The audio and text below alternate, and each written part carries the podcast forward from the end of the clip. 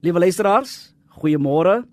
Die temaatjie weer uit Psalm 31 vers 9 tot 16 is die Psalm gee ons taal om siekte of lyding te verwoord voor die aangesig van God. Wat is ons enigste troos in lewe en sterwe? Wat hou ons regop?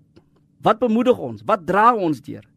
Wat bring ons onrustige hart tot bedaring? Wat gee ons vrede, vreugde in moeilike tye?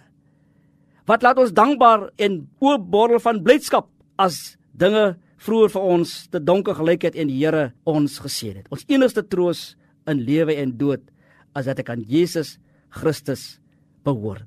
Dit hou ons regop. Om deur die Here getroos te wees is om deur hom regop gehou te word.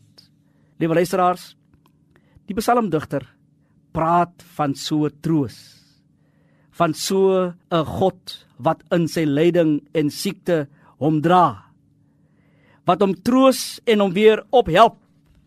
En die psalms soos Psalm 31 verwoord die gelowige se lewegewende asem wat hy intrek van God se woord en die uitblaas van die uitgediende menslike vrae, vrese en nood. Psalm sê praat van God se liefde, van God se goedheid, van God se genade, van die wat moedeloos is, ontsteld en bang is, gee hy weer krag.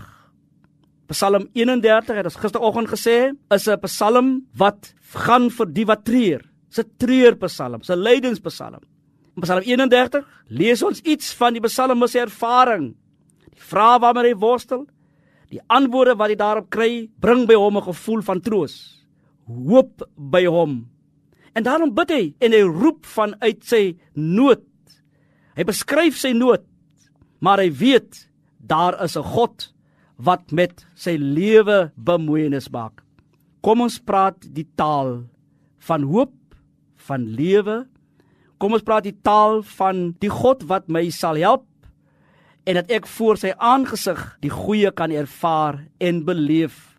Kom ons praat die taal wat die psalmdigter sê My enigste troos in lewe en dood is dat ek aan Jesus Christus behoort. 'n Geseënde dag.